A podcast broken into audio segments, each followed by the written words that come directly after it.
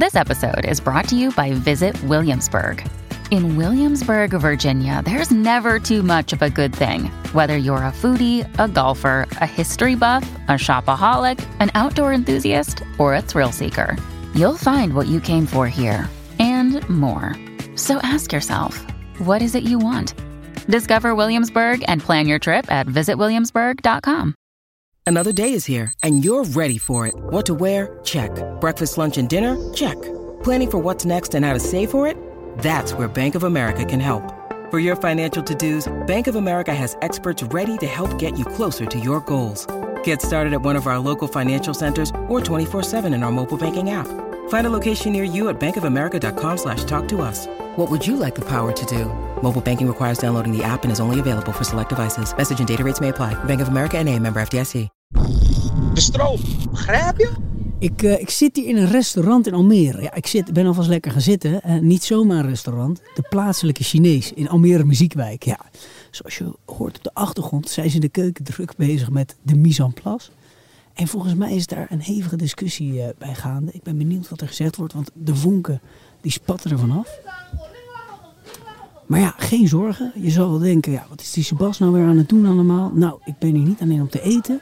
Ik ben hier ook voor het darten natuurlijk. Want er schuift zo meteen een dartslegende bij me aan. En een van mijn favoriete spelers ook, Koos P.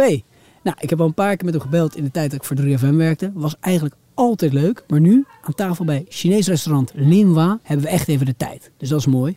Even de tijd voor al zijn mooie verhalen. Want Ko ja, die heeft echt alles meegemaakt vanaf het begin van het Nederlandse darten tot nu eigenlijk. En het is altijd leuk als Ko is. Dus dat verwacht ik vandaag ook. Dus ik knal hem even op pauze hier. En eh, laat hem weer lopen als Ko zo meteen is aangeschoven.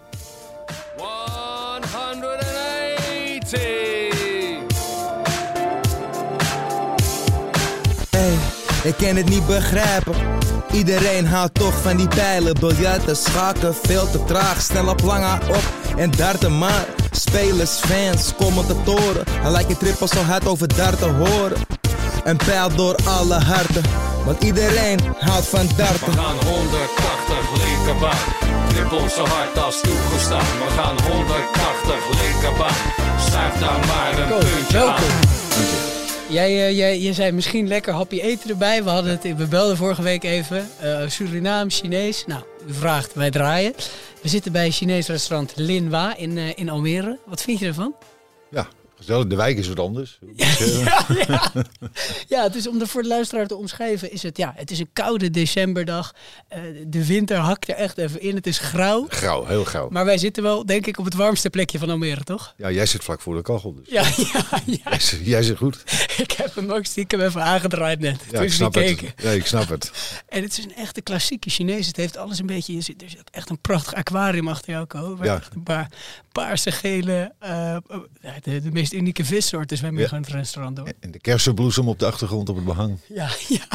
Zelf geschilderd. Meer Chinees krijg je niet. Meer Chinees krijg je niet. Nee. Hey, heb jij een bepaalde band nog met, met, met Chinees, het Chinese eten? Eet jij vaak eh, bij de Chinees? Nou, als het lekker makkelijk wil doen wel. Ja, precies. Maar meestal wel ophalen tegenwoordig. Ja, ja niet meer daar, daar zitten. Want ik had het gevoel toen. Ik, ik had jou vorige week even kort opgebeld.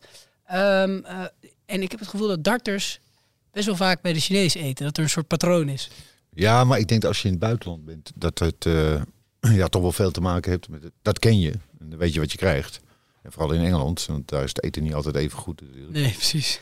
Dus ja, dan, dan snap ik die keuze wel van die jongens. Ja, Weet je, kijk, er is ongezonderder eten dan, eh, dan Chinees. Nee, precies. Het is, het is niet per se heel ongezond. En het is gewoon een veilige keuze. Je weet Ja. overal een beetje wat je. Dus ja, dan, dan ga je maar weer naar de Chinees. Dan ga je maar naar de in Chinees. welk oord je ook bent. In Wolverhampton, in, in, in Leeds, maakt in Blackpool. maakt niet uit. Dan ga je naar de Chinees. Precies. Hey, eh, heb je een favoriet gerecht hier bij de Chinees? Voor als we eventueel nog wat willen bestellen tijdens de uitzending? Nou, nee, echt favoriet niet. Ik laat me altijd wel een beetje verrassen. Vaak zijn de specialiteiten van het huis altijd wel leuk, weet je. Dat is altijd wel wat verrassend. Maar ja, als je standaard, eh, standaard eh, de babi pangang dingen in de Fuyonghuis en eh, dat soort dingen, die vliegen wel over tafel. Of combi-gerechten. De combi-gerechten. De Ja. combi-gerechten, daar heb je van alles wat. Mooi, dus die kunnen we eventueel nog zo laten, laten aanrukken. Laten we even naar darten gaan, want Ja. daar zijn we natuurlijk ook daarvoor. Ehm, iedereen houdt van darten, heet de podcast. En ik begin altijd met een iedereen houdt van darten moment. Dat is het allermooiste moment in het darten van jou eigenlijk. En het liefste moment waardoor iedereen die de sport nog niet zo goed kent, alle mensen die pas beginnen met kijken, meteen om zijn en meteen eh, van, eh, van dart houden. Heb jij al iets wat meteen in je opkomt dan?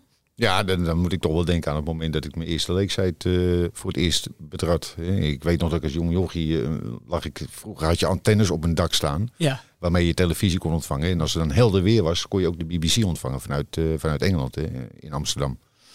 En eh, ja, daar had je in, in januari altijd Lakeside.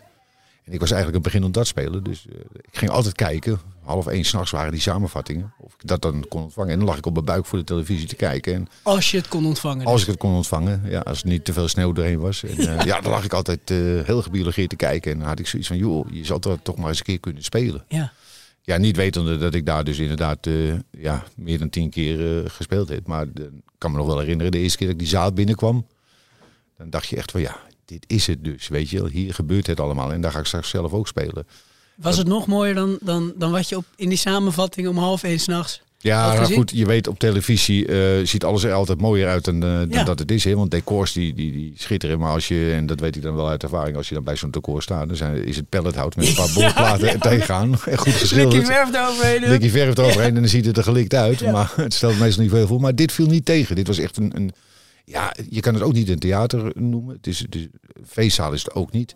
Het had iets, eh, het, had, het had wel iets, hè. Mooi, mooi eh chandeliers, eh, goed, hoe heet het ding? Kroonluchters, ja, ja. eh, kroonluchters aan het plafond. En ja, het- het- Ja, of in de handen van Bobby George. ja, precies. Maar het was wel, het, het, het, ja, het ademde wel darts uit ook. Echt zoals wij dat kennen van, van ja, die, die periode. Hè, vanaf de eind jaren 70 tot Ja. ja. begin jaren 2000. Ja. Dus eigenlijk is jouw moment is de magie van de Lakeside. Gewoon de Ja. magie die daar omheen Ja, hing. ja, precies. En, en je weet ook van tevoren, voordat, eh, want dat deden ze op Lakeside wel altijd, als de avondsessie begon. Dan kwamen alle spelers één voor één even het podium op om voorgesteld te worden aan het publiek voordat de wedstrijden begonnen. En Ja. ja, dat was wel een magisch moment. En dan loop je ineens die zaal binnen vanuit je, je ingooiruimte. En dan loop je rechtstreeks de zaal binnen. En dan zie je die, die zaal ineens vol met mensen zitten. Al die spotlights en die camera's. En die, die kastjes die dan nog op het podium stonden waar ze de pinnetjes inprikten waar jij de dart gegooid had. Zodat mensen dat op grote schermen konden zien met Ja? lampjes. Ja, Kun je dat even uitleggen voor, nou, daar- voor, mijn generatie? Daar hingen aan de, aan de zijkant van het podium. En je, je kan het terugzien op YouTube. Hoor. Als je oude filmpjes van Ja. Lakeside gaat kijken. Dan, dan hingen daar twee hele grote dartborden. Van, van wel 2,5 bij 2,5 meter. Ja, ja. Links en rechts van het podium.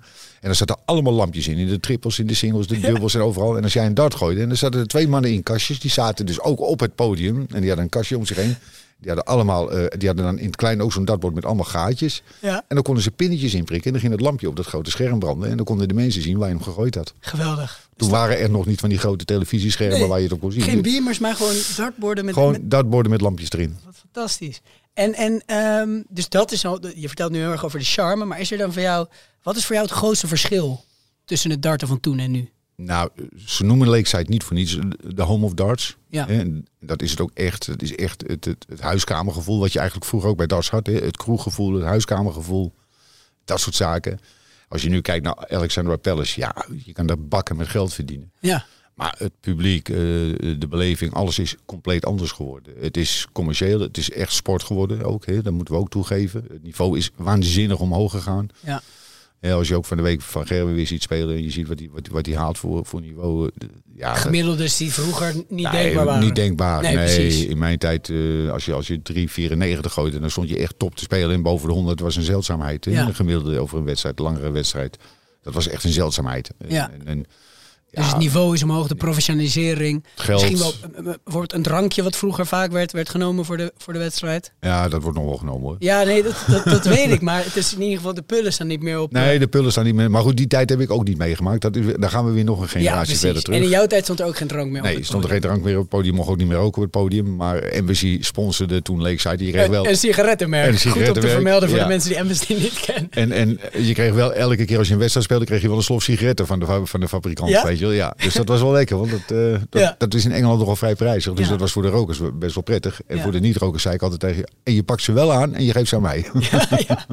ja, maar je, had ook een kroeg toch, waar de spelers eigenlijk met elkaar zaten voor de... nou, het was eigenlijk meer een, een, een zaaltje in het hotel. Ja, Ehm, en daar stonden dan eh, zeg maar vier of vijf ingooibanen. En ja, daar bracht iedereen eigenlijk elke avond na de wedstrijden of de hele dag voor de wedstrijden brachten we daar door. ja. Maar er werden ook leuke dingen gedaan. De Nederlanders zaten vaak wel bij elkaar, in, zeker in het begin, want we waren toch wel een beetje de buitenbeentjes. Die, die Engelsen en die Britten die hadden allemaal zoiets ja, we moeten die kaaskop hier... eh, Ja, wij, dart is van ons. Dat is van ons. Hè? Ja. Maar ja, goed, eh, op een gegeven moment konden ze er niet meer omheen. Eh, dat is ze later toch wel goed bevallen, hoor, moet ik zeggen. Ja. Eh, want ze dachten, nou, het zijn nog niet zo van die slechte jongens, die Nederlanders. En die Eh, nemen best wel een paar toppers mee. nemen naar een paar toppers eiland. mee. En Ja. ze geven nog wel eens een biertje weg. Hè? Dat was niet iets wat die Engelsen gewend waren. Die Nee. stonden best raar te kijken als je aan de bar stond met drie man. En je ging een biertje bestellen. Jongens, jullie ook wat? Ja, maar waarom dan? Nou ja, als ik drink, drinken we allemaal. Kijk, de, En wij, ja, precies. En wij zeiden niet aan het einde van als ik betaal, betalen we ook allemaal. Dat zeiden we niet. Dat deden die Engelsen wel. Maar, Ja, ja. Maar die hebben dus ook geleerd om wel eens wat weg te geven. En, Ja. en nee, uiteindelijk is daar een hele goede band en relatie eh, ontstaan tussen Ja. de, de Britten en de Nederlanders. Hey, we- we, eh, ik heb eigenlijk ook nog een momentje voor jou meegenomen. Een moment wat ik eh, heb uitgekozen. En iedereen houdt van een moment met Coastal P in de hoofdrol. Laten we eerst even luisteren. En dan denk ik dat jij hem wel kan beschrijven. A look. So tense. Double for it.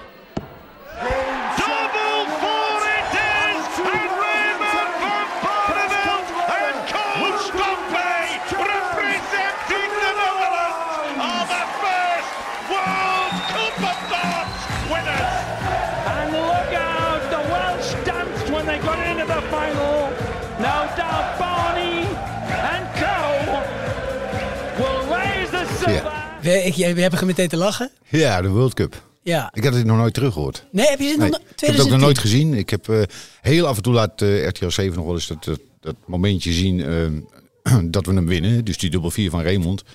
Alleen ja, ik had die eigenschap dat ik op mijn knieën ging zitten op de grond met mijn handen omhoog. Dus je ziet mij helemaal niet. Je ziet alleen Raymond juichen. Nee, maar dat is precies waar ik het over wilde hebben. Want ik, ik wilde eigenlijk zeggen, weet je het nog? Kun je meenemen naar, naar het moment. Maar ik zal het even omschrijven als jij het niet zo goed meer hebt teruggezien.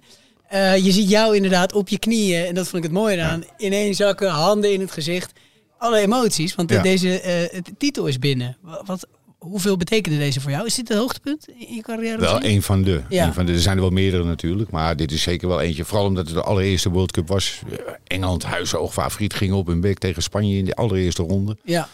En toen zei ik tegen Raymond, nou dan worden wij wereldkampioen. Want wij zijn nummer twee geplaatst. Dus eh zei ja, maar zo makkelijk wordt het niet. Ik zei, zei ik niet zo. wij Ja. worden wereldkampioen. Nou ja, uiteindelijk werden we ook wereldkampioen. Geweldig. Weet je, en dan, dan kom je thuis en iedereen helemaal blij. En je hebt geen idee eh, hoe dat leefde in Nederland. Hè, want het was op Nederlandse televisie niet te zien. En toch, eh, ja, enorm veel reacties. eh, ik kreeg van Rutte een brief. Kreeg van, Ja? ja, van Beatrix een brief. En van de minister van Sport toen de tijd. Die vrouw, ik weet niet meer wie het was, exact uit mijn hoofd. Maar allerlei dingen kwamen binnen. Uitnodiging van Willem-Alexander om op de lunch te komen. En- Heb je dat gedaan? Nee, nee, heb ik niet gedaan. Nee? Nee, nee, nee, nee, dat is iets...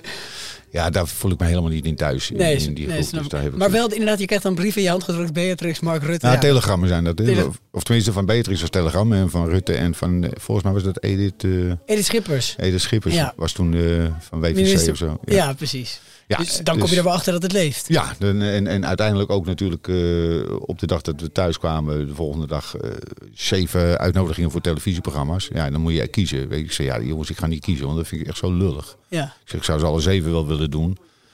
Dus eh, uiteindelijk management laten beslissen welke we dan maar gingen doen. En, ja, Daar is gaan aanschuiven met z'n tweeën. Want Ja. voor de mensen die de, de World Cup niet zo goed op het netvlies meer hebben. het is het toernooi waar je in duo's dart en uitkomt Ja. voor je land. Ja, je, je, dart, je neemt met z'n tweeën, dus Coastal P en Remmel van Barneveld in de finale bijvoorbeeld tegen Wales. eh, En neem je het op. Het is ook wel een bijzonder toernooi eh, eh, om, om te spelen.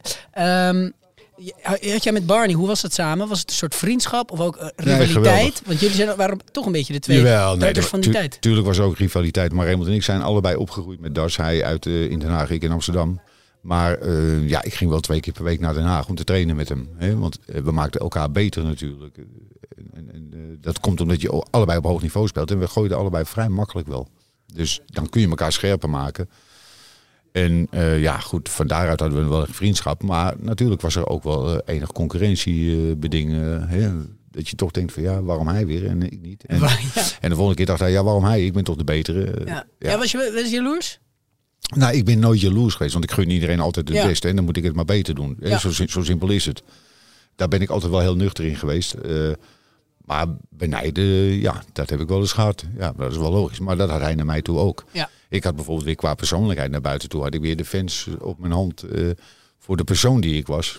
Waar hij natuurlijk Jantje serieus eh, was en is. En met de prestaties. Maar die deed met de prestaties weer. Dus Ja. ja, dan, dan, eh, dan, dan is het heel moeilijk eh, appels met peren vergelijken natuurlijk. Heb jij alles uit je, uit je carrière gehaald? Oh nee, belang Nee? nou niet. Wel nee joh, veel, veel te weinig. Waarom niet?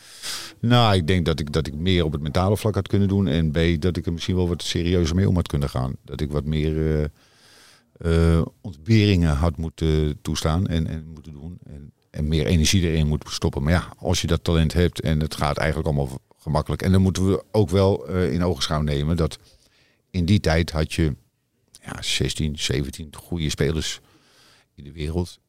En ja, je zat altijd op leekside. Je wist dat ik dat sowieso wel haalde. Dus als je op toernooien kwam, wist je ook wel door, dat je geplaatst was. Dat je de eerste twee, drie rondes geen lastige tegenstander kreeg.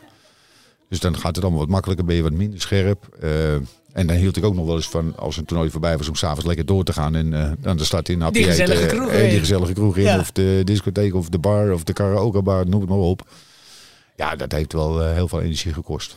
Dus eigenlijk de gemakzucht, die, die, die sleept er, sliep er een beetje in door, doordat, ja, doordat je wist dat je er altijd kon staan, Lakeside. En als, Ja, als dat iets minder makkelijk was geweest, had je toch meer moeten trainen. Ja, of dat ik bijvoorbeeld niet, eh, niet, niet- altijd voor televisie zou hebben gewerkt. Weet je, waar je echt een heel goed contract had bij SBS6, had ik echt een waanzinnig contract.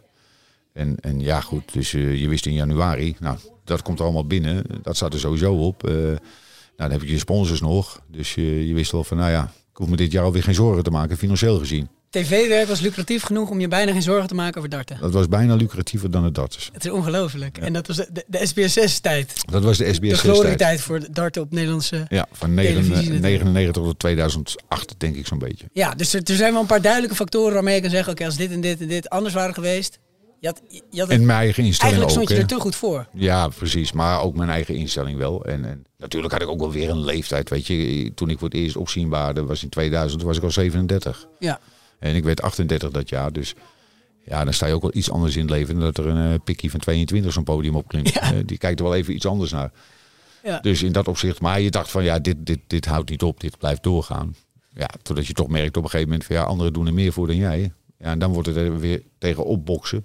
Eh, en niet vanaf de basis, maar vanuit waar je al staat. Ja, en dat, dat is heel lastig. Ja, maar even naar de, nou, jouw carrière. Ehm, want ja, je bent, was best wel een hele kleurrijke darter, vind ik. Ik ben even eh, onderzoek gaan doen. Ja. Eh, Een beetje voor mijn generatie, die jongere generatie die jou iets minder live heeft zien spelen.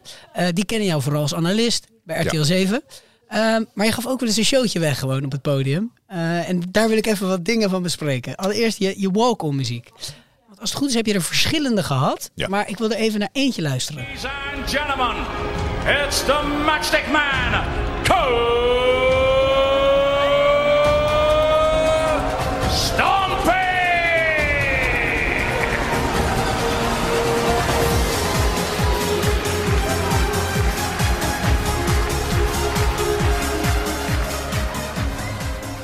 Wat was dit voor nummer?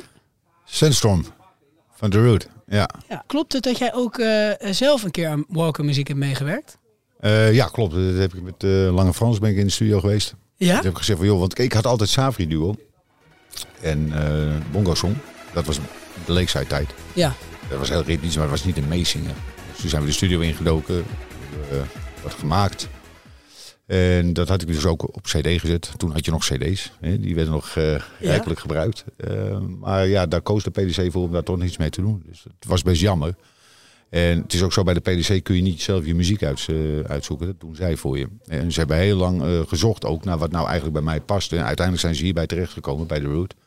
Want daarvoor hebben ze ook nog de Karate Kid gedaan. dat nummer, weet je wel. Of Kung Fu Fighting. Ja, ja, daar komen we zo bij waarom Ja. dat is gekozen, inderdaad.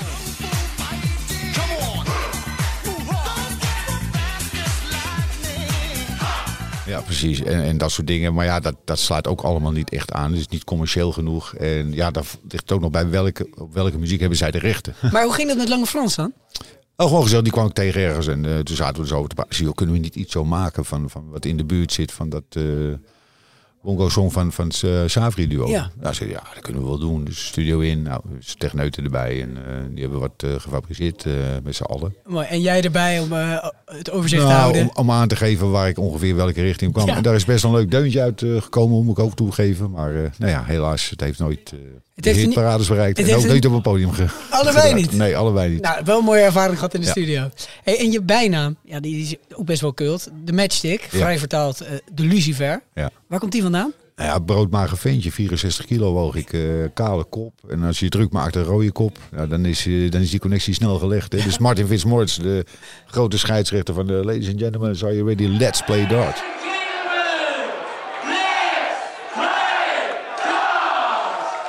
Eigenlijk de voorganger van nu John McDonald die altijd Ja, zegt... precies. It's time to meet the players. Ja, Ja. precies. Nou, die man die, eh, die bedacht de bijnamen. En die kwam dus daarmee. Nou ja, dat vond ik wel oké. Weet je, voor, voor mij maakt het allemaal niet zoveel uit wat voor bijnaam je hebt. Eh, ik voelde me daar wel prima bij. Ja, die Fitzmaurice die, die je noemt, voor, ja, voor een beetje die voorganger van John McDonald, dat was wel echt een bijzondere man, toch? Je- Ja, dat was een bijzonder, dat was een apart hoor. ja? Hoe Ja, ging dat daaraan toe? Want hij stond ook een beetje, volgens mij een beetje een forse man die dan... Beetje fors. Zo. Ah, hij kon wedijveren met Andy Ford en wie de grootste was. Maar eh, ja, maar hij stond dan inderdaad alles bij elkaar te schreeuwen. ja. eh, en Nou, hij- hij had een waanzinnig eh, gevoel voor humor. En, Ja. en die ging soms ook wel eens heel ver. Maar hij had echt wel een goed gevoel voor humor. Hij wist mensen te entertainen op een podium. Hè. ja, Maar het was ook wel weer een dictator. Hij dacht wel dat hij de eigenaar was van de, alle spelers en de darts. Weet je wel. De- wat, hij, eh, wat hij bepaalde, dat zou wel even gebeuren. Ja, daar had hij aan de Nederlanders toch wel een hele slechte aan. Engelsen zijn dan nog wel eens zich een beetje laten van, nou ja, weet je, Ja. laat die man maar gaan. laat maar gaan. Wij hebben dat niet. Maar hij had bijvoorbeeld ook hele goede vrienden in het. Eh, dus Martin Adams was zo spelen, was echt een maat van hem. Ja, en je was gezegeld als jij tegen Martin Adams moest spelen. hoor. Want een half uur voor je wedstrijd, dan begon die Fitzmaurice begon je af te zeiken. En die ging ruzie zoeken met je. Zodat jij helemaal gek werd. Ja? Ja. Dus hij, het was helemaal geen, geen objectieve scheidsrechter. Wel, nee, totaal niet, man. Verre van. Verre van. Hij was bevriend met Martin Adams, met, eh, ja, Martin Adams, Wolfie, Wolfie. ja. En, Ja. en dan was je gewoon een half uur de lul. Heb je, Dan was je gewoon is de het jou wel eens overkomen? Nee, want ik, nee, nee, nee, ik was eigenlijk weer net even te aardig, Ja. zeg maar. Dus dat niet. Maar ik heb wel mensen schreeuwend naar buiten zien lopen. Pissed off, totally eh, link, weet je wel. Haal die scheidsrechter bij me weg. Ja, dat die, die echt schreeuwen in, in die ingooiruimte tegen de scheidsrechter en die speler. En, en waar geheid dat die speler ook verloor. Ja, ook En Adams kon wel een pijltje gooien natuurlijk, hè. Moeten we ook niet vergeten. Precies. Ehm, de move die jij, eh, die jij doet ook. Daar, daar wil ik ook even naartoe. Want dat is eh, eh, de kraanvogel. Als, jij, als, jij, als jij won, dan deed je die op een Ja. gegeven moment. Ja, hoe is die ontstaan? Nou, eigenlijk in een wedstrijd, eh, het was het allereerste eh, Europese tour, toernooi, was een, een try-out Ja. in, in Duitsland, in het Gary Weber Stadion. Er zijn een paar duizend man publiek. En ik kom in de finale tegen, tegen Phil Taylor. En die stond die week weer zo waanzinnig te gooien dat weekend. Dat, dat had ik al gezien, weet je wel. Elke wedstrijd die, die begon, bam, 180. Eerste opening. Dat je al meteen de moed eh, in je schoenen gewoon zakt. veel telen op zijn hoogtepunt. Ja, waar precies. om te zien. Niet normaal. Dus. eh, de ingooiruimtes die werden verplaatst eh, op de zondag. Voor de finale stonden we achter in de zaal op twee borden in te, in te spelen. Ieder een eigen baan. En we stonden een beetje te, te ouwe hoeren. Ik zeg tegen hem, joh, luister, wat je ook doet, ik vind alles goed. Ik zeg, maar ga nou niet beginnen met 180. Ik zeg, want dat vind ik echt zo, weet je, zo asociaal. Dat, is, Dat zei je. Hij zei, ik zal er rekening mee houden. nou ja, Taylor kennende, interesseert hem helemaal niks. Dus hij mag de wedstrijd beginnen. Hij gaat slaan. Hij gooit triple 20, triple 20 en een enkele 20. Hij zegt, zo goed. Ik zeg, ja, dankjewel. Nee joh. Ja, maar hij, hij miste die triple 20 echt hoor. Want hij zat op het draad. En ik ga staan en ik gooi 180. ik denk, zo, dan heb je hem hier wel voor je kiezen. En maar ik kom vervolgens 2-0 achter in sets. En er waren toen nog sets met de best of drie legs. Hè? Dus 2-1 winnen in, in de set. En het was best of zeven sets. Dus ja, je bent eigenlijk al bijna kansloos. Zeker tegen Taylor. Die geeft een 2-0 voorsprong niet meer weg. Maar ik won die wedstrijd met 4-2. En ik miste nog een 9 darter op dubbel 18. En ik stond echt waanzinnig te spelen die dag. Echt eh, gigantisch. Eh, toen had ik echt zo het gevoel, ja, ik was eigenlijk helemaal verslagen. Net zoals de Karate Kid in die, in die film. Die altijd, eh, ja, gaat bij Rocky's gaat het ook zo, hè, bij de Rocky films. En, Ja, er is een absoluut dieptepunt Ja. waar die op een gegeven en dan moment komen ze dan weer uit en dan slaan ze die andere helemaal de niegers. Ja, echt zo, echt niet realistisch. Maar nou ja, dat was dit voor ons gevoel eigenlijk ook wel een beetje. Ja. En vooral ook omdat ik had daarvoor in Nederland een wedstrijd tegen hem gespeeld. En die verloor ik dan in de allerlaatste lek van, eh, van die wedstrijd. En toen speelde ik net een week of twee bij de PDC. Dus iedere speler kwam kijken op die baan van wat gebeurt hier. Zal die Stompé die Taylor eraf gooien. Maar in de laatste week was die man zo goed. Maar dit keer, ik, ik won die wedstrijd dus. Toen had ik dat karate kid gevoel. Dus hè, die won met die move, won die eigenlijk die, eh, Ja. die partij nog. Ja, en ik dacht alleen maar, ja, die moet ik gewoon maken. Weet je wel, toen ik die beker kreeg. Ik denk, ik maak die moves. Ik zet die beker op de grond en ik maak die kraanvogel. En die hele zaal ging uit zijn dak. Oh, uit, uit de plaat. Ja, ik denk, nou, ik denk, dan, dan moeten we die er maar in houden. Ja, precies. Ehm, die, die, hij werd van je verwacht nu, Ja. vanaf dit moment. Wint met 4-2 van Mervyn King. Wat een sensatie is. King veel hoger op de wereldranglijst. Kom op, knaanvogeltje. Kom even doen. Ja hoor. Ja, dat is ook zo. En ook altijd als je op demonstraties komt, of waar ik ook kom, iedereen wil die kraanvogel zien. En dan vragen ze me altijd vooraf, is een ei. Alleen? Vooraf doen we niet, alleen achteraf. Ja, en dan wel winnen. En wel winnen, anders dan krijg je gewoon helemaal niks. Precies. Hey, iets anders wat me ook opviel in mijn mijn onderzoek naar jou. De lange mouwen. Ja. Eh, waar we nu darters altijd met korte mouwen zien. Vroeger eigenlijk ook volgens mij bijna altijd met korte mouwen. Ik eh, kon Ja. in ieder geval geen ander Ja, voorbeeld Les. Les Wallace. Die, Les speelde, Wallace. die speelde zelfs in een trui. Ja? Ja, die speelde in een trui met lange mouwen. In een trui met lange mouwen. Ja, en, bloedheet. en een Schotse rok eronder. Ja. Dat dan wel. Een kilt. Ja, een kilt. Ah, Ja, wat goed. Die ga ik ook even opzoeken dan. Maar jij had altijd een hemd met lange mouwen aan. Ja eh, een paar dingen. Ah, er wa- waren ook wel eens periodes, eh, zeker in Nederland, als je de Nederlandse ranking gooide. Dat was in sporthallen. Want door die, door die overwinning van Van Barneveld in 98 werd het enorm druk op die, die toernooien. Dus er werden sporthallen afgehuurd. Maar dat was ook wel erg koud. Dus toen begon ik eigenlijk met ruime overhemden met lange mouwen te spelen. En dat Ja. hielp echt. Maar aan de andere kant had ik ook eigenlijk wel zoiets. Ik had altijd al zo bedacht van ja, als ik die tatoeages zie van die Engelse spelers. Ik vind het absoluut echt zo ongelooflijk niet mooi. En vooral omdat het ook geen mooie tatoeages zijn. Weet je, heb je nou nog een hele knappe tekening op je arm staan, dan kan ik er nog wel mee leven. Maar als je er bijvoorbeeld bij veel Taylor die power op zijn arm ziet staan, dan denk ik, wat is dat ding spuug lelijk zeg. Ja, die lijkt in 10 minuten gemaakt, hè? Ja, precies. En dan denk ik, ja jongens, jullie willen allemaal eh, serieus genomen worden. Eh, jullie willen er professioneel uitzien. Neem eens een voorbeeld aan de snoekerspelers bijvoorbeeld. Ja. Die hebben ook dat soort bewegingen, maar die spelen allemaal met lange mouwen. Die lopen bijna in een driedelig pak. lopen bijna in een driedelig pak. Toon jezelf dan ook professioneel en, en, laat jezelf dan ook zo zien. Maar ja, dat, dat is nooit... eh, iedereen, iedereen verklaarde mij voor gek voor die lange mouwen. Maar had je geen, la- geen last aan? Want ik- oké, duidelijk, het was eh, eh, dus een deel was het, was het eh, tegen de kou eerst, maar het was ook, Ja. ook een beetje stijl. Ja. Ehm, had je geen last van met gooien? Was het Nee, niet- absoluut niet. Nee? Kijk, je moet niet eh, een, een overhemd nemen wat heel strak om je lichaam zit. Dat gaat niet werken. Nee. Nou is het al niet mooi als je 64 kilo weegt, dus dan is er ook geen porum. Maar als je gewoon een ruim overhemd neemt, dan heb je nergens last van. Nou, dat is totaal niet hinderlijk. Oké, het was dus niet hinderlijk. En ik ontdekte ook nog dat je een romanticus op het podium bent. En dat je een keer een huwelijksaanzoek hebt Ja. gedaan. Ik was dronken. Ja? Ik had er net drie dagen dart op zitten. Nee, natuurlijk. Het was wel een heel mooi moment. We werden wereldkampioen met het Nederlands team. Ja, in Rosmalen. in Rosmalen. En eh, ja, ik denk, weet je, als we die titel winnen, waarom niet? Ik was natuurlijk al een keer getrouwd geweest. En ik had, zo, ik had niet echt de behoefte om nog een keer te trouwen. Ik denk, ja, dat maakt eigenlijk geen bal uit. Het is alleen maar een hoop gezeik als je het niet redt met elkaar. Ja.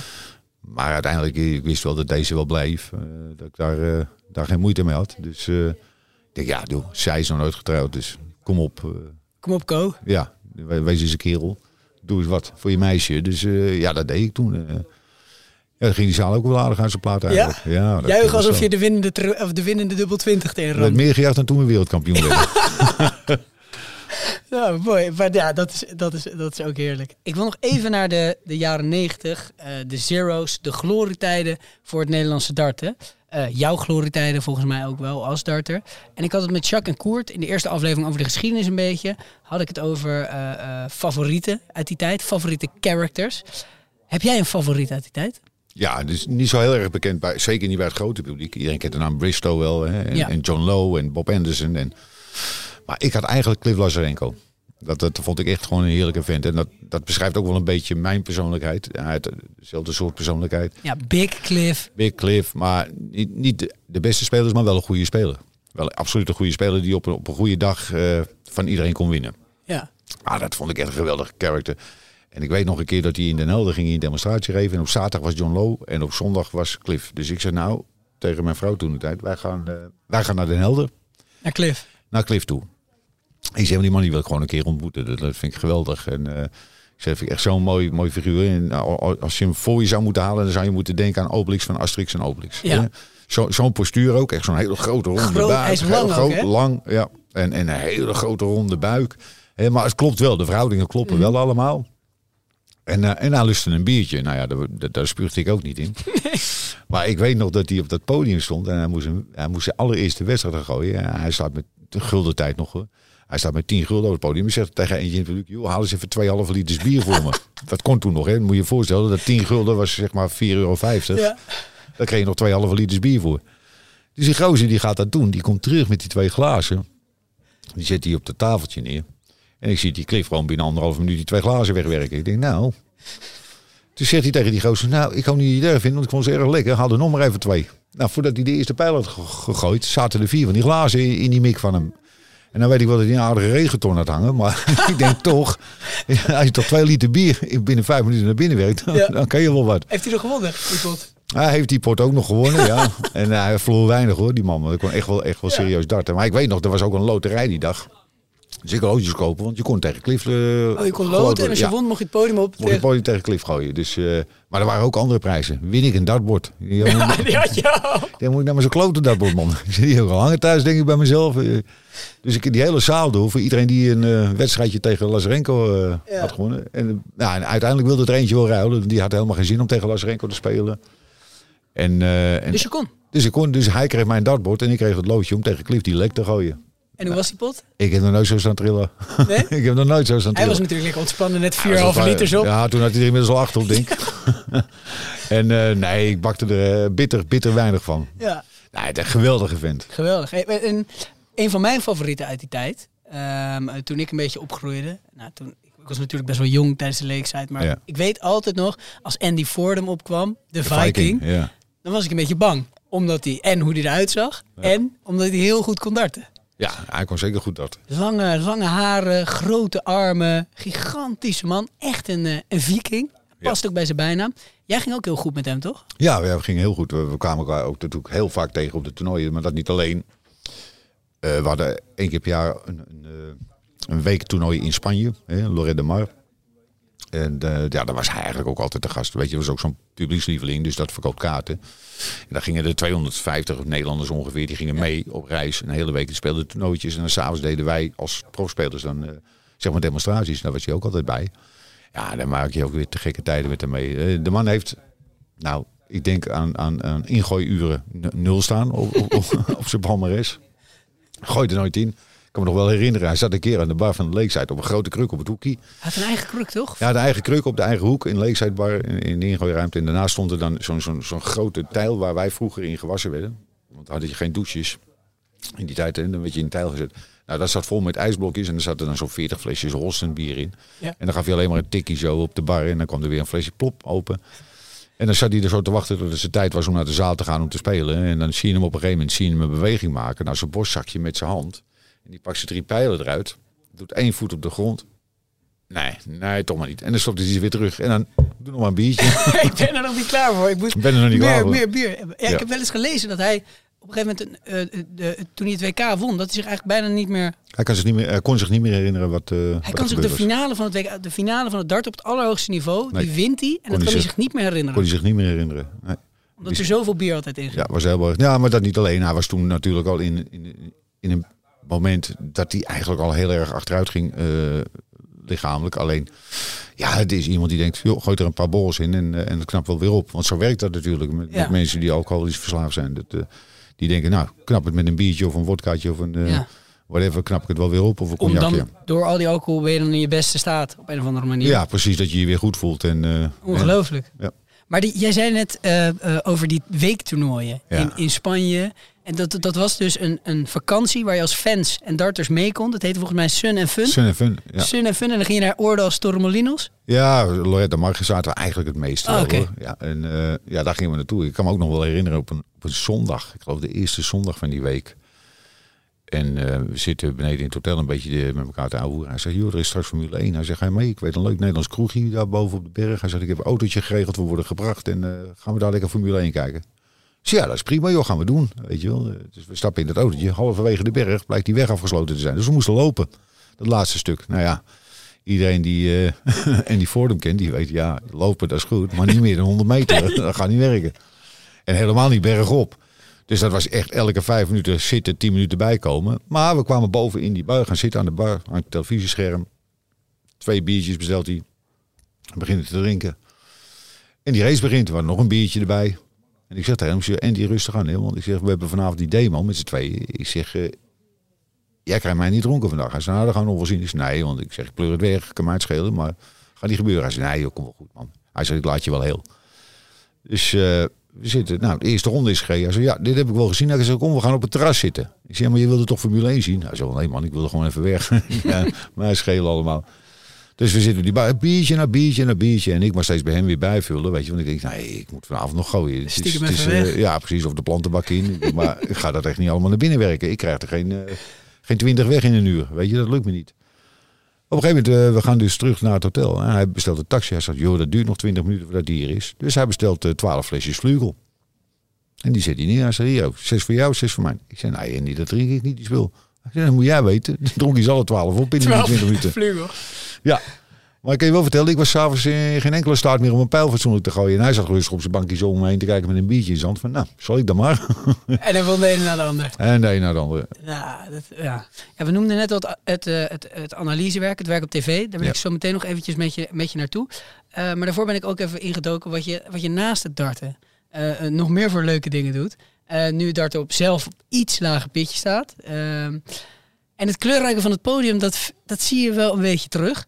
Ik sprak je ooit voor 3FM eh, over een online pokercarrière. Ja. Dat was een jaartje geleden. Dat was een, toen een telefoongesprekje zoals het op de radio gaat. We deden een belletje. Hoe is dat, eh, hoe is dat afgelopen? Nou, dat was leuk voor de coronatijd. Oh ja. Weet je, we zaten thuis, we hadden niks meer te doen. Alle demos vielen weg. Toernooien stonden even stil. eh, televisie dus ook. Dus ja, dan ga je wat anders doen. Ja, dan ga je online pokeren. En ik zag die advertentie voorbij komen voor het ONK. Ja, ik kwalificeerde me voor de finale. Ik, nou, dat is best leuk. Finale dag van het online poker. Ja. ja. Nou ja, dat had ik natuurlijk nooit moeten vertellen tegen iemand die in de media werkt. Want eh, rood gloeiend. dan, gaat, eh, dan gaat de boer helemaal los. Een nieuwe carrière en weet ik wat allemaal. Dus eh, Boulevard heeft nog Fatima langs gestuurd om, eh, om een item te maken erover. En, eh, ja, hartstikke leuk. Maar ik wist ook wel, ik ben niet geduldig genoeg om poker te spelen. Nee, Nee, daar ben ik echt niet geduldig genoeg voor. het geduld. Maar waarom heb je het geduld? Waarom heb je dat zo nodig in poker? Ik wil, ik wil actie hebben. En bij pokeren, ja, je moet niet met alles mee willen. En, en, en dat, dat deed ik ook niet hoor. Maar op het moment dat je daar niet met alles mee gaat, dan denk ik, joh, er zit totaal geen actie in dat spel. Hou eens even lekker op. Ik zit alleen maar te kijken hoe andere kaarten. En op een gegeven moment denk ik, ja, hey, fuck, Nu ga ik. Fuck it, eh, nou, nou ben ik aan de beurt. Ja, heb je, het- eh, kon je niet dingen uit de darten meenemen naar het pokeren? Of, of, Oh jawel, absoluut wel. Weet je, ik bedoel, eh stoïcijns zijn, eh, gewoon niks laten zien. Nou was online een stuk, stuk makkelijker dan dat je aan tafel speelt natuurlijk. Hè, laten we eerlijk zijn. ja, ja, je hoeft niet een pokerface op te Nee, en ik denk ook best wel dat ik het, het spelletje wel aardig door heb hoe, hoe het werkt. Hè. Maar ik ben dan ook wel weer zo eigenwijs. Ik denk, nou als iedereen dit verwacht, dat iemand zo speelt. Hè, omdat je, je doet niet dit als je dat hebt of je doet niet dit. Nou dan moet je het nou juist doen. Ja, Want dan hebben ze dus echt werkelijk geen idee wat je eigenlijk in- je handen hebt. precies. Dus ik was daar wel eh, tegen draads in. Om een eigen systeem te ontwikkelen. Maar nee, wat ik zeg, joh, weet je, als ik eh, tien, hands, tien handen gefold had, om, omdat ik gewoon absoluut een baggerkaart had, dan heb ik ja, nou ja, weet je wat, doe er nou even die blind mee en dan kijk maar even of er dan misschien toevallig iets eh, op de flop valt. En, eh, ja, en dan vallen weer één of twee kaartjes. Ja, laat maar doen. Weet je, laat ik, ah, deze bluff ik wel even weg. Ja, nou, even niet dus. Dus ja, nee, dat, eh, Het was uite- uiteindelijk dus niet spectaculair genoeg. Nee, er zit te weinig actie in Ja. als, je niet, als je niet zelf speelt. Hè? En als je al alleen maar zit te wachten tot je een keer een paar goede kaarten hebt. Ja, dan werkt het niet. eh. Het was gewoon een corona-hobby. Het was een corona-hobby. Maar wel ontzettend leuk hoor. Ik heb er wel van genoten. Ik vond het heel leuk. En ik vond het ook wel hartstikke goed van die gasten hoe ze dat georganiseerd hadden. Echt eh, top. Dat, dat ze toch nog be- bezig konden blijven met pokeren. Ja. Dus wat dat betreft eh, helemaal top. Ja, en ons wijze les. Dus als je een nieuwe hobby begint, vertel het niet tegen mensen in de media. Nee, want dan weet je ook dat de rest van Nederland het ook te horen krijgt. Precies. Ehm, iets anders, over hobby's gesproken. Laten we even luisteren naar het volgende. En dan ben ik benieuwd of je dit meteen herkent.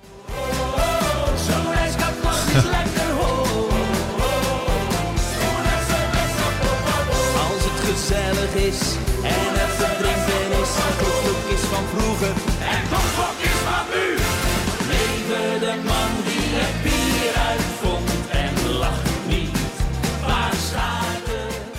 René Kars. Je, je begint meteen te lachen. René Kars, zeg je. Ja. Kan, kan je uitleggen wat hier gebeurt allemaal? Nou, hij, eh, we, we hebben natuurlijk eh, alles kunnen fips gedaan. Of tenminste, zo natuurlijk is het niet, maar we hebben alles kunnen fips gedaan. En daar zat René ook bij. En, eh, ja, daar had ik wel een klik mee. Dat was een leuke band. S'avonds ook heel gezellig met Charlie Lusk en al die gasten allemaal. Lekker eh jammen met z'n allen muziek maken. En, Oh ja. ja, het was echt het was ontzettend leuk. Even tussendoor voor de context. Het is een SBS6-programma waar jij Ja. aan meedeed. En René Kars, de artiest van dit nummer ook. Die je Ja, ook kan precies. kennen van Liever te dik in mijn kist. Maar dit is het nummer Una Cerveza por favor. Waar jij in de clip speelt en danst in een monnikenpak. Ja, ja nou, hij belde op een gegeven moment op. Hij zei, Joko, eh, hij zegt, heb een nieuw nummer gemaakt. Hij zegt, dat eh, vind ik wel heel leuk. Hij zegt, ik zoek eigenlijk wat monniken. Nou, je hebt een kale kop, een gezellige vent. Heb je zin om mee te doen? Ik zeg, altijd. Ik ben altijd wel in voor een geintje. Zeker dit soort eh carnavaleske nummers eh, heb ik altijd wel zoiets van, ja joh, weet je. Het is allemaal eh Ja. Hosanna, José, biertje op en gezelligheid. Dus die, eh, die clip hebben we opgenomen in, in Groningen. En ja, dat was een hele leuke dag ook. Geweldig. En ik zit nou te wachten tot die ook echt serieus de eter over blijft gaan. Ja, precies. Nu moet het nog een hit worden. Want het lukte misschien niet met Lange Frans, maar met René Karst. Ja, precies. Nee, maar kijk, weet je, het nummer heeft wel het, eh het gehalte. Het, het blijft, als je dat twee keer hoort, het blijft in je kop zitten. Word je helemaal gek van. Ja, ik vind het een lekker nummertje. Ja, het is echt hartstikke leuk. En als er carnaval is, dan, dan moet het... Maar ja, dan gaat misschien door die klote corona weer verpest worden. Precies. Ja, de, carnaval was eigenlijk jullie kans waar jullie wilden schitteren met het nummer. Had, had hij ook gevraagd of je meeging naar optredens? Nee, nee, nee, nee. Nee, maar goed, dat is ook niet... Weet je, het is één nummer. Het is niet een compleet eh, set van muziek die je maakt. Het is gewoon één nummertje. En ja, dat is voor, hem- voor hartstikke leuk voor hem om, om, om, eh, om dat soort jongens erbij te hebben natuurlijk. Ja, precies. En de, de, de, eh, je stond er met een paar andere mannen, daar in de clip. Ja, Om het even te schetsen. Jullie zijn ergens, inderdaad, hij komt uit Hogeveen, weet ik toevallig. ja, ja. Daar waarschijnlijk ergens Dat was de daar ergens een, een, een klooster eh, dat tegenwoordig een museum is. En eh, ja, daar mochten we filmen. Dus Jullie als monniken verkleed, Ja. daar dansen, hij zingen. De kelder in, bier maken, noem het allemaal op. Precies, het nummer is een ultieme ode aan het bier. Ja, en dan in de, in de tuin, binnentuin, eh, ja, moesten we kruiden knippen. Ja, en ik stond wietplanten te knippen. Er stonden wietplanten. Ik denk, ja. Maar ja, dat had ermee te maken omdat ik natuurlijk ooit een keer eh, geschorst ben geweest omdat ik wiet gerookt had. Dus Ja, Hoe, zit, hoe, zat, hoe zat dat precies? Ja, ik had een feestje gehad en eh, er ging zo'n joint rond. Ik denk, nou, ik neem ook een praat, kan mij schelen, joh. Nou, dat was wel heel gezellig, hoor, moet ik zeggen. Maar Ja.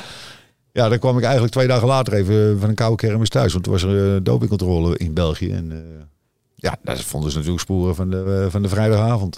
Je had een toernooi in België en je liep daar niets vermoeden naar binnen? Of was je al een beetje Nee, ik was zenuwachtig? met het toernooi. Nee, helemaal niet. Ik stond daar niet eens bij stil, joh. Dacht denk gewoon, veel, groot, het maakt ja. niet uit. Ik denk, ik gebruik niks, dus ik kan Nee. mij schelen. Ja, ja, dat was dus even... Maar goed, daar is men ook heel mild mee omgegaan, hoor. Wat, wat was de schorsing uiteindelijk? Eh, drie maanden, maar ja, in principe de Nederlandse Dansbond was toen nog een federatie, dus die konden mij niet schorsen. Nee. Want ik was geen lid van de federatie, ik was lid van een afdelingsorganisatie. Dus ja, die konden mij niet schorsen. Maar uiteindelijk heb ik gezegd, joh, voor het fatsoen blijf ik gewoon drie maanden weg. Zodat we geen gesodemieten krijgen met anderen. Precies, netjes opgelost met Ja, drie precies. maanden weg. Maar de avond met het jointje was in ieder geval gezellig. Ja, was me wel drie maanden waard. Nou, dat is perfect. Ik kom heel even tussendoor hoor, want eh, ja, na alle mooie verhalen van Co is het ook tijd om het WK te voorspellen. Het, traditionele einde van deze podcastaflevering elke keer. Bij het terugluisteren van het gesprek van Co merkte ik dat we bij het voorspellen flink het jargon inschieten tijdens ons enthousiasme over Michael van Gerwen. Nou, dat is natuurlijk wel een man waar je enthousiast van wordt, dus is niet gek. Maar een stukje voorkennis bij wat we zo meteen allemaal roepen is handig, want we hebben het zo meteen over gemiddelde. Nou, die gemiddelden komen vaak in beeld naast de scores van de legs en sets tijdens het WK. Dus het is goed om te weten ja, waar die getallen op slaan. Nou, met de gemiddelde drukken we uit wat een speler gemiddeld met drie pijlen gooit over een hele wedstrijd. Dus aan het gemiddelde kan je vaak zien of iemand een goede pot speelt of niet. Het is moeilijk om dat zwart-wit uit te leggen, maar op het WK zou je het ongeveer zo kunnen zien. Spreek je over een gemiddelde hoger van 90, dan is iemand goed bezig. Spreek je over een gemiddelde van hoger dan 100, dan is iemand heel goed bezig. Is zijn gemiddelde hoger dan 110? Nou, dan staat diegene wel de sterren van de hemel te spelen. Terug naar het voorspellen. Ehm, het WK, wie gaat, wie gaat hem winnen volgens jou? Ja, nou weet je, als je vorige week was geweest had ik gezegd Price. En nou heb ik eh, gisteren, nu dat we dit opnemen, heb ik gisteren heb ik van Barneveld of eh, van Gerber zien gooien. En dan denk je, ja, dat, dat, op deze manier kan niemand hem stoppen. Maar ja, blijft het zo. Ja, hij heeft het record eh, hoogste gemiddelde op de Grand Slam verbroken. Ja, precies. Ja, een waanzinnig scoringspower in die wedstrijd. Het is dat hij, dat hij maar 38% op zijn dubbel zat. Anders had hij echt rond de 120, 22 gezeten met, Ja. met zijn gemiddelde. Waar hij nu op 115,2 eindigde.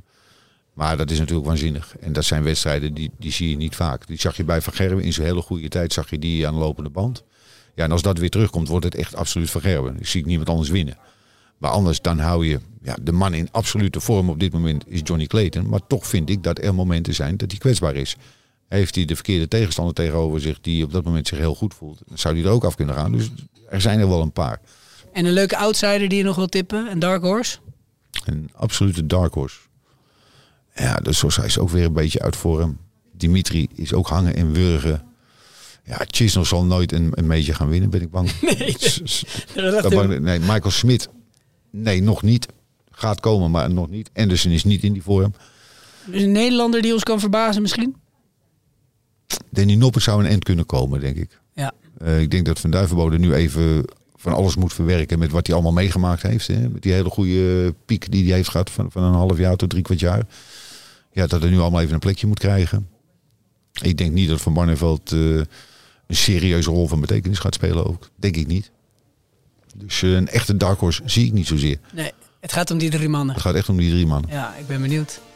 Ko, dankjewel in ieder geval. Graag gedaan. Dat je even bij me wilde aanschuiven bij eh, eh, de Chinezen in Almere. Ja. Een, een heerlijke plek binnen. Eh, buiten gaan we zo weer het gouden weer aan. Misschien, eh, misschien nog een klein happy. Laten we kijken. En eh, veel plezier met het WK zometeen. Dankjewel. Hey, ik kan het niet begrijpen. Iedereen houdt toch van die pijlen. Biljarten, schaken, veel te traag. Snel op lange op en darten maar. Spelers, fans, commentatoren. Hij lijkt je trippel zo hard over darten horen. Een pijl door alle harten. Want iedereen houdt van darten. We gaan 180 linkerbaan. Dribbel zo hard als toegestaan. We gaan 180 linkerbaan. Schuif daar maar een puntje aan.